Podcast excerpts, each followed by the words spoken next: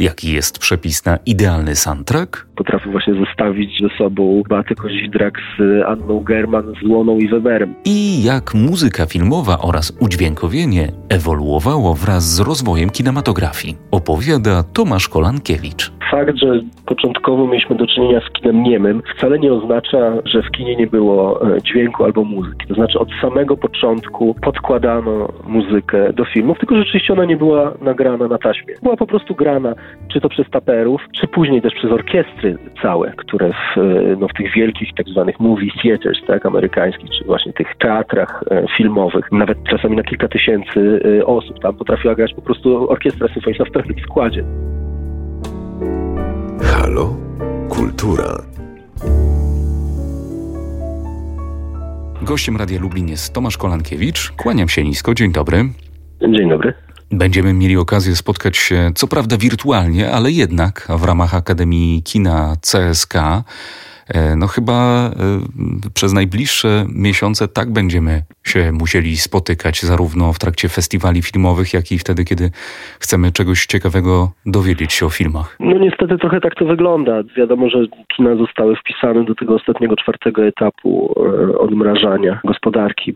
Także, także obawiam się, że w najbliższym czasie jeszcze, jeszcze kina nie zostaną otwarte, a nawet jak już zostaną otwarte, to szacuje się, że one będą musiały mm, funkcjonować przy zmniejszonej frekwencji, także też będą e, pewne, pewne utrudnienia na pewno, więc niestety obawiam się, że w najbliższych, no na pewno tygodniach e, trochę nas czeka mm, e, właśnie taka praca i takie spotkania zdalne, co akurat wiadomo w przypadku kina, no jest bardzo trudne po prostu. Z drugiej strony okazja do tego, aby nadrobić te zaległości, bo wielu dystrybutorów kina, ale także organizatorzy festiwali dają bardzo często zupełnie bezpłatny dostęp do wirtualnych online'owych projekcji. Tak, dokładnie tak. Jest bardzo, e, bardzo dużo w sieci teraz e, możliwości oglądania. No wiadomo, że to nie daje takiej, e, takiej możliwości jakby przeżywania tego, tego wrażenia, tego, co można przeżyć w sali kinowej, ale jednak bardzo dużo takiej, e, takiego kontentu się, e, się znajduje w sieci. Festiwale przechodzą na, na formę online. Tak zrobił Węgiel Festiwal organizowany przez katowicką, przez katowicką szkołę filmową. Tak będzie w przypadku krakowskiego festiwalu filmowego, który, który przeniósł się do sieci. Teraz na stronie Ninateka, na stronie FINE, czyli Filmoteki Narodowej Instytutu Audiowizualnego można oglądać e, e, e, dokumenty z poprzednich edycji festiwalu Docs Against Gravity w ramach takiego przeglądu Docs Against Isolation. On jest bardzo, bardzo ciekawie kuratorowany, tam są bardzo dobre propozycje, więc rzeczywiście ta, ta oferta jest bardzo bogata. No i oczywiście są też platformy streamingowe. Ja bym polecił Państwu wypróbować taką platformę Mubi. Ona troszeczkę inaczej działa. E, tam są filmy wrzucane na 30 dni, po tych 300 dniach e, znikają, natomiast tam jest rzeczywiście bardzo ciekawie kuratorowana e, oferta. Znajdą tam Państwo zarówno klasykę filmową, łącznie z kinem niemym też na przykład teraz można tam oglądać Ziemię e, Dowrzenki, e, taki ukraiński film niemy, jedno z największych arcydzieł kina, e, kina niemego m, w ogóle, e, ale też klasynę, klasykę kina e, gatunkowego, takie filmy jak, e, jak Peeping Tom chociażby, Pauela czy Last Man on Earth, Ostatni Człowiek na Ziemi. To bardzo ciekawy taki film z lat 60. z Vincentem Price'em, legendą kina grozy amerykańskiego, znanym z filmów Rogera Cormana, chociażby z ekranizacji e, prozy Edgara Allana Poe. Także, e, no także bardzo ciekawa tam jest oferta i też bardzo ciekawa oferta filmów artystycznych. Ja polecam tutaj zapoznać się z twórczością Bertranda Mandiko. Teraz można tam oglądać jego krótkie filmy. No to są bardzo, bardzo szalone e, takie artystyczne rzeczy. Tylko zaznaczam od razu, że to są filmy dla, e, dla dorosłych widzów. Ta propozycja jest rzeczywiście przebogata, ale pewnie te wirtualne, online'owe projekcje kina nie wypro i nie zastąpią, chociażby dlatego, że w domach nie mamy tak dużych ekranów, no i nie mamy takiego dobrego dźwięku. Właśnie o dźwięku będzie Pan opowiadał w ramach Akademii Kina CSK. To, to y, skupmy się teraz na tym, na tym dźwięku w kinie, jeśli chodzi o historię, ale także teraźniejszość. Na początku oczywiście tego dźwięku nie było, chociaż tak naprawdę można powiedzieć, że kiedy gra taper na żywo muzykę, no to, to jest coś rzeczywiście niepowtarzalnego i, i atrakcyjnego. Jakie były początki tego dźwięku w filmie? No to dokładnie tak jak pan mówi, to znaczy y, fakt, że początkowo mieliśmy do czynienia z kinem niemym, wcale nie oznacza, y, że w kinie nie było y, dźwięku albo muzyki. Od samego początku e, podkładano muzykę do filmów, tylko rzeczywiście ona nie była nagrana na taśmie, e, na taśmie filmowej, nie była odtwarzana, że tak powiem, e, równocześnie, tylko była po prostu grana, czy to przez taperów, e, czy później też przez orkiestry całe, które w, no, w tych wielkich takich tak zwanych movie theaters, tak, amerykańskich, czy właśnie tych teatrach filmowych, nawet czasami na kilka tysięcy osób tam potrafiła grać po prostu orkiestra symfoniczna w pełnym składzie, tak, żeby właśnie podkładać składać, że tak powiem, na żywo e, ścieżkę dźwiękową. E, a nawet e, jeżeli tego nie było, przy samych już początkach kina, tych takich jarmarcznych początkach, jeszcze w XIX wieku, no zawsze towarzyszył komentarz po prostu. Znaczy były osoby, tacy mistrzowie ceremonii, którzy po prostu tłumaczyli widzom, co oglądają, co to są za filmy. Bardzo często to były takie filmy mm, krajoznawcze, można powiedzieć, gdzieś tam z dalekich krajów właśnie, więc ten komentarz był, był dosyć ważny. No oczywiście zawsze też e, słychać było turkot e, kinematografu i często to jest tak, że ta muzyka w tych początkowych fazach właśnie też miała zadanie zagłuszać ten e, dosyć wtedy głośny mm, turkot. Natomiast no rzeczywiście takie myślenie o dźwięku i muzyce w filmie, jak znamy dzisiaj, no to, to dopiero zajęło kinematografii trochę, trochę czasu. Zdaje się, że pierwszym taką, mm, taką ścieżką dźwiękową, właśnie napisaną, skomponowaną specjalnie dla filmu, która miała za zadanie E, też jak gdyby nie tylko e, stanowić takie tło, ale w ogóle zmieniać też e, i kształtować odczucia widzów przy oglądaniu. Mm, to jest ścieżka do filmu King Kong klasycznego amerykańskiego filmu, więc ta ewolucja stopniowo, stopniowo następowała, no i potem oczywiście z przełomem dźwiękowym ona zaczęła wkraczać, wkraczać do kina. Warto pamiętać, że ten przełom dźwiękowy to też nie było takie jednorodne, że po prostu jednego dnia nagle zaczęto robić filmy dźwiękowe i, i od tego dnia wszyscy już robili filmy dźwiękowe, tylko to następowało stopniowo. E, najpierw e, udźwiękawiane były tylko fragmenty, potem zaczęły się pojawiać właśnie te takie pierwsze, e, pierwsze filmy, gdzie, gdzie można było słychać, słyszeć właśnie śpiewanie, no tak ten śpiewak jazz bandu, którego się uznaje za, za pierwszy właśnie film, film dźwiękowy.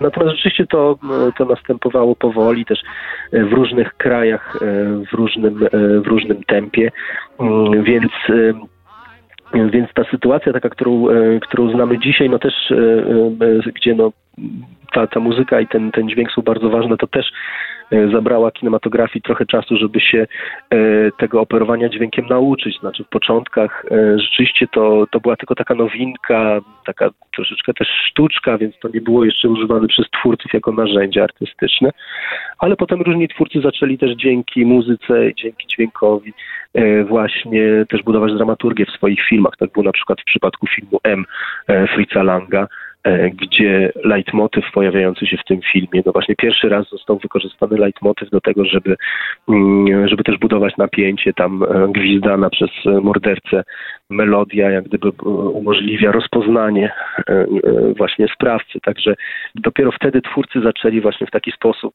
wykorzystywać muzykę także do celów dramaturgicznych. Muzykę i dźwięk warto pamiętać o tym, że ta sfera dźwiękowa filmu to jest nie tylko to jest nie tylko ścieżka dźwiękowa, nie tylko piosenki, które są podłożone, e, nie tylko skomponowana specjalnie do filmu muzyka, e, ale też właśnie dźwięk, dźwięk rozumiany dosyć szeroko, e, nie tylko jako jakieś takie efektowe motywy, ale też e, jako e, coś, co nazywa się sound designem, czyli właśnie takim e, modelowaniem przestrzeni dźwiękiem. Są specjaliści właśnie od tego sound designu, od udźwiękawiania filmów. To jest tak, że to dodanie dźwięku do filmu tak naprawdę potrafi di diametralnie zmienić to, jak widzowie odbierają film. To znaczy, to myślę, wydaje mi się, że nawet na równi z montażem dźwięk potrafi oddziaływać na widza. Powiedział pan dodanie dźwięku. No właśnie, na ile te dźwięki, których słuchamy w trakcie już projekcji, to dźwięki zarejestrowane na planie, a na ile dodane w postprodukcji? Jesteśmy w stanie to określić procentowo, jak to wygląda we współczesnej kinematografii? To zależy oczywiście od filmu. Są, są takie filmy, gdzie gdzie twórcy starają się rzeczywiście wykorzystywać ten, ten dźwięk rejestrowany na, na planie. E, no, aktorzy, e, jak wiemy, na planie grają swoje kwestie, potem są dogrywane jeszcze efektowo przebiegi, takie jest odtworzenie sceny specjalnie właśnie dla dźwiękowców, gdzie już kamery nie pracują, natomiast rzeczywiście oni mogą się skoncentrować na, na takich różnych rzeczach, które właśnie dźwięki wydają. Natomiast rzeczywiście yy, zdecydowana większość udźwiękowienia odbywa się potem w studio. Yy, bardzo często aktorzy dogrywają yy, swoje kwestie, jeszcze raz właśnie w studio robią postsynchrony. Znamy to z czasów polskiego kina e, sprzed lat, gdzie bardzo często rozjeżdżały się to, co widzimy na ekranie z tym właśnie, co jest mówione. E, no całe szczęście teraz ta technika jest e, zdecydowanie ulepszona i tego tak nie widać, natomiast bardzo, bardzo dużo kreuje się już potem w studio, łącznie z tym, że są takie specjalne osoby, które właśnie zajmują się tym tworzeniem tej przestrzeni dźwiękowej. To jest, wygląda bardzo śmiesznie, bo to trochę wygląda jak taka zabawa, tak? Znaczy oni na przykład właśnie mają mają różne rodzaje na przykład butów do wzmacniania właśnie tego e, dźwięku, kroków, wykorzystują bardzo różne materiały do, do osiągnięcia właśnie bardzo różnych e, efektów dźwiękowych, ale też są takie różne śmieszne zabawy, które oni sobie robią nawzajem. E, jest e, taki, taka najbardziej chyba znana dźwiękowa zabawa i dźwiękowe puszczanie e, oka do widzów, ale też oczywiście do tych właśnie specjalistów od udźwiękawiania filmów między sobą. To jest tak zwany Wilhelm Scream. To jest taki jeden bardzo charakterystyczny krzyk. Krzyk wzięty z filmu, z westernu z dawnych lat, który podkładany jest no, w dziesiątkach filmów.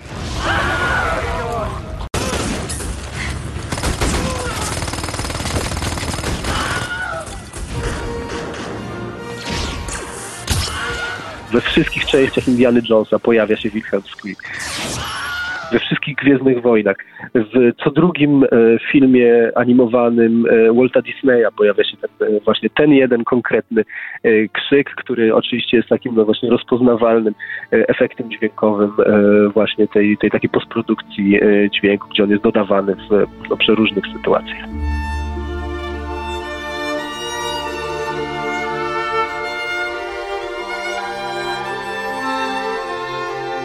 A jeśli chodzi o rozpoznawalność wśród kompozytorów, twórców muzyki, to można powiedzieć, że Williams jest takim twórcą, który jest chyba rozpoznawany i przez bardzo popowych odbiorców? No rzeczywiście to jest największa, e, największa gwiazda. Te jego kompozycje, takie monumentalne, właśnie orkiestrowe kompozycje do, mm, no, do tych największych blockbusterów amerykańskiego kina, bo one oczywiście też e, robiły furrory jako po prostu osobne nagrania.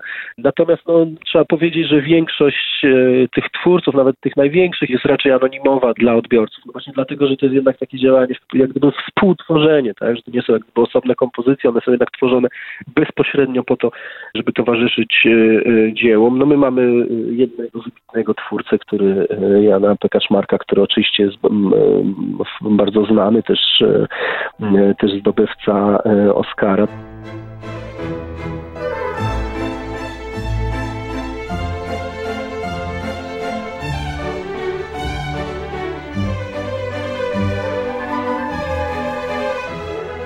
Warto pamiętać, że praca nad taką, no właśnie muzyką, na przykład, nie wiem, jak muzyka do, do filmów, na przykład z Jamesem Bondem, tak, tam jest bardzo charakterystyczna zawsze właśnie muzyka, też orkiestrowa. To wymaga jak gdyby pracy nie tylko kompozytora, yy, dyrygenta i orkiestry, ale też całej, całego zastępu takich ludzi, jak, jak oczywiście inżynier nagrania, jak, jak specjalista od Pro Toolsa, tak, który wszystko zgrywa i jak gdyby pilnuje tego takiego elektronicznego zapisu, ale też są specjalnie osoby, montażyści muzyki, do filmu w tych, w tych dużych produkcjach, którzy właśnie też są obecni na nagraniach, więc tam po prostu jak gdyby funkcjonuje cały zastęp ludzi, łącznie z tym, że dobierane są specjalne studia pod kątem konkretnych jak gdyby nagrań, dlatego że różnie dźwięk się roz, w nich roznosi i tak dalej, i tak dalej. Jeszcze inną specjalnością są takie osoby, które specjalizują się w nie tyle w komponowaniu oryginalnej muzyki do filmów, ile w dobieraniu czy sugerowaniu jakby twórcom, jakie utwory już istniejące jakby można dobrać, żeby właśnie odpowiednio nadać odpowiedni charakter. W Polsce też jest kilka takich osób, które, które tym się zajmują. Paweł Józwik jest taką najbardziej popularną osobą właśnie, która zajmuje się takim, takim doradztwem właśnie w, w kwestiach muzycznych twórcom i współpracował przy, przy bardzo różnych filmach. Ale oczywiście, tak jak mówię, tutaj to wszystko działa, to wszystko działa jako takie naczynia połączone, to znaczy z jednej strony kompozycja muzyki oryginalnej, z drugiej strony właśnie jakiś dobór takiej ścieżki dźwiękowej właśnie z już istniejących utworów, no a z trzeciej strony właśnie ta przestrzeń tego sound designu, tutaj też mamy cały szereg bardzo utalentowanych sound designerów w Polsce z Marcinem Lenarczykiem, DJ-em Lenarem i, i Radosławem Ochnią na, na czele. Bardzo często taki odpowiedni dobór ścieżki dźwiękowej utworów, które już istnieją. E, no i okazuje się, że dzięki filmowi utwór, który może nie miał jakiejś szalonej popularności, dostaje zupełnie nowe życie. No tak jest e, na przykład z soundtrackami do filmów Quentina Tarantino. Jest mistrzem wynajdywania takich różnych e, cymesów, można powiedzieć, muzycznych. No, u nas wydaje mi się takim twórcą, który ma taki naturalny talent do, do komponowania fantastycznych soundtracków filmowych, to jest Krzysztof Skonieczny, który czy to w Hardcore Disco, który jest absolutnie fantastycznym soundtrackiem, czy później wślepnąc od świateł, no właśnie pokazał, że rzeczywiście ma ucho i bardzo potrafi też dobrze właśnie komponować też różne utwory, to jest takie bardzo niejednorodne. Tam potrafił właśnie zestawić, zestawić ze sobą, nie wiem, Beatę Kozidrę Drak z Anną German, z, Łoną i Weberem, tak? I się nagle okazało, że tego się fantastycznie słucha też po prostu jako takiej płyty, a nie, a nie tylko jako właśnie kawałków e, użytych w filmie. Teraz bez dobrego soundtracku, bez dobrej muzyki nie wyobrażamy sobie filmu. E, a kiedy tak naprawdę muzyka została doceniona, zauważona na tyle, że została na przykład nagradzana podczas chociażby Oscarów? A widzi pan, to tutaj pan trafił na, e, e, na białą plamę na tej mojej erudycji. Prawdę mówiąc, nie wiem, kiedy, e, kiedy muzyka została pierwszy raz nagradzana, w, jeśli chodzi o Oscary. Muszę w ogóle powiedzieć, że, że dla mnie Oscar, mimo że oczywiście trochę historię znam, to, to nigdy nie był jakimś takim głównym polem do zainteresowania. Natomiast rzeczywiście mogę wskazać ten moment, kiedy, kiedy pierwszy raz ta muzyka, mm, ta muzyka została doceniona jako właśnie jako e, taki, taki ważny element i to faktycznie był ten moment już, już przeze mnie wspomniany tego, tego King Konga. Pierwszy raz wtedy w Stanach Zjednoczonych zrozumiano, że, e, że taka muzyka właśnie na zamówienie e, jest w stanie, jest w stanie tak naprawdę uratować film. Ten film był po prostu nieudany. On był, on był traktowany jako coś, co, co absolutnie nie wyszło, co, co jest jakieś takie właśnie miałkie, co w ogóle jest raczej śmieszne niż straszne, a potem po dodaniu tej muzyki okazało się, że jednak właśnie to, e, to działa, więc e, więc można powiedzieć, że ta, wtedy właśnie powstała taka, taka pierwsza właśnie ścieżka dźwiękowa, e, która w, w pełni odniosła tą, tą funkcję dramaturgiczną. Natomiast oczywiście, jeżeli chodzi o samo docenienie muzyki w filmie, to zawsze było wiadomo, że to jest coś ważnego. Mówię zawsze, to znaczy na przykład w takim momencie, który był bardzo ważny dla, dla kina, rodzącego się takiego nurtu film d'art, czyli filmu sztuki mm, we Francji. E, to są początki XX wieku i e, takie najważniejsze dzieło tego nurtu, e, zabójstwo księcia Gwizjusza, taki film, który był tak naprawdę filmem teatralnym, który pokazywał no właśnie spektakl jak gdyby teatralny, ale to było tyle ważne dla kina, że wtedy pierwszy raz zaczęto mówić o filmie jako o sztuce, a nie jako właśnie jakiejś takiej rozrywce jarmarcznej.